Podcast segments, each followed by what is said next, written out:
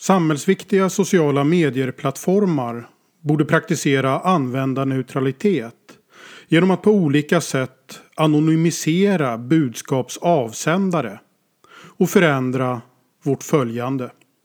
Så att publiken måste skilja på sak och person. Fokusera på vad som uttrycks.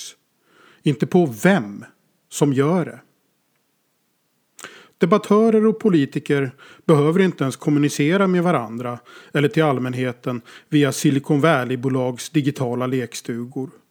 Icke-användarneutrala plattformar kan bojkottas. Om det finns en vilja finns det en väg. Framtidens användarneutrala plattformar hittar sätt att hantera problem som du kanske redan nu ser. Till exempel anonymitetens baksidor. Huvudsaken är att budskap, när de visas, får stå fria från sina användare. Användare behöver inte vara anonyma gentemot själva plattformen.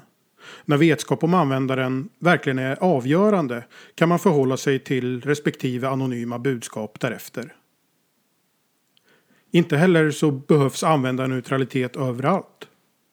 Underhållnings och relationsplattformarna kan fortsätta med det ohämmade personfokuset. Ju fler sorters plattformar, desto fler sorters budskap.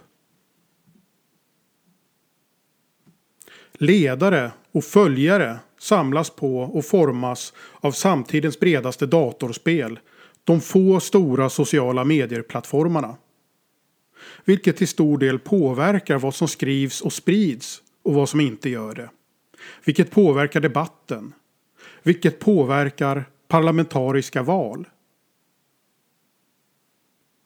Vissa politiker får på Twitter gillanden lika lätt som glamourmodeller får det på Instagram. Att de lättare kan finnas på fler väljares skärmar och näthinnor tack vare plattformarna i allmänhet och deras spridningsfunktioner i synnerhet är en utbredd form av valpåverkan.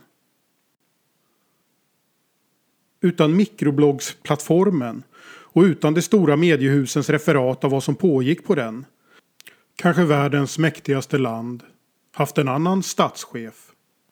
Twitter är en kasinoliknande underhållningsmaskin optimerad för en viss typ av producenter och för de slappaste konsumenterna. Ett ständigt pågående personval med få vinnare. Vissa har väldigt många följare, majoriteten har väldigt få. Ju fler man har, desto lättare att få ännu fler. Ju längre från de sociala mediernas födelse vi kommer, desto mer cementeras styrkeförhållanden. Och kampen om människors tid, om deras uppmärksamhet, är ett nollsummespel. Vilket är ett argument för omfördelning.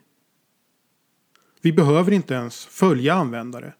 När vi skulle kunna följa allt som inte är personer. Saker. Händelser idéer.